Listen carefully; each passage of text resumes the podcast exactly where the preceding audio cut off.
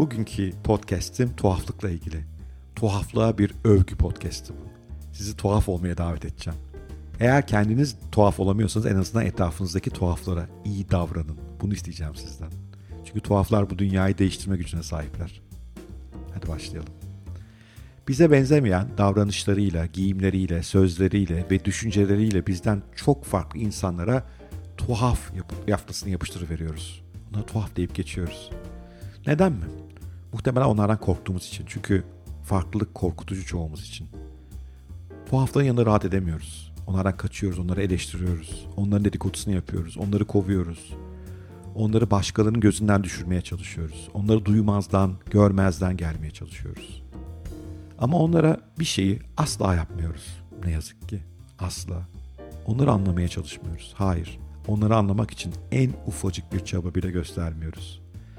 Onları dinlemiyoruz, fikirlerini ve davranışlarının kaynağını anlamaya çalışmıyoruz. Yanılmış olanın belki de kendimiz olabileceğini, onların belki bizim göremediğimiz bir şeyi görüyor olduğunu aklımıza bile getiremiyoruz. Mesela Friedrich Nietzsche tam bir tuhaf. Akranlarından her zaman farklıydı o. Her zaman. Hayatı boyunca birçok çılgın proje ve fikir önerdi. Birçok çılgın ve bugüne kadar başarıyla yaşayan eser üretti.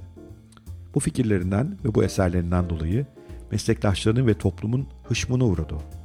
Onlardan ancak kendisini sosyal tecrite alarak koruyabildi.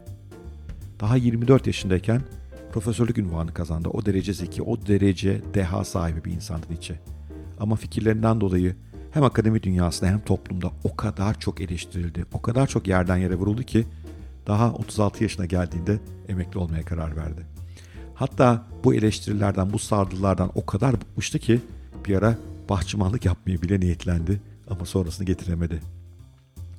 Ve bu dahi insan bütün bu saldırılara tek bir satırla cevap verdi. Tek bir cümleyle.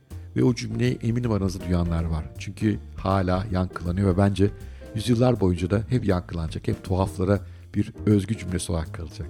Hadi gelin. Hatırlayanlar vardır belki ama bir daha dinleyelim. Şöyle demiş Nietzsche. Ve dans ederken görülenler deli sanıldığı müziği duymayanlar tarafından. Tekrar okuyayım? Çok güzel değil mi ya? Ve dans ederken görülenler deli sanıldığı müziği duymayanlar tarafından.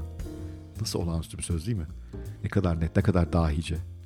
Bugün onu eleştirileriyle yıpratan, o tuhaf olmayan insanların esamesi bile okunmuyor. isimleri bilinmiyor, mezarların yeri bile bilinmiyor.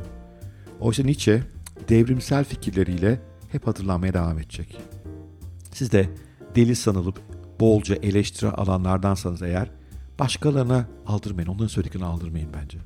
Size deli diyenler sizin duyduğunuz müziği duyamayan, sizin öngördüklerinizi öngöremeyen, sizin bildiklerinizi bilmeyen ve sizin gibi büyük hayaller kurma gücüne asla sahip olamayan sıradan insanlarlar sadece. Özgünlüğünüzden korkmayın. Onlar gerideler siz değil. Kendi hakikatinizi yaşamaktan çekinmeyin. Eğer birileri size zaman zaman amma tuhafsın ha demiyorsa fark yaratan bir insan demek değil, değilsiniz demektir. Bu aynı zamanda haddinizi aşmaya yeltenmediğinizi gösterir. En kötüsü galiba bu. Esas bundan korkun siz fark yaratamamaktan. Ve tabii bir de bir gün müziği duyamamaktan. Hoşçakalın.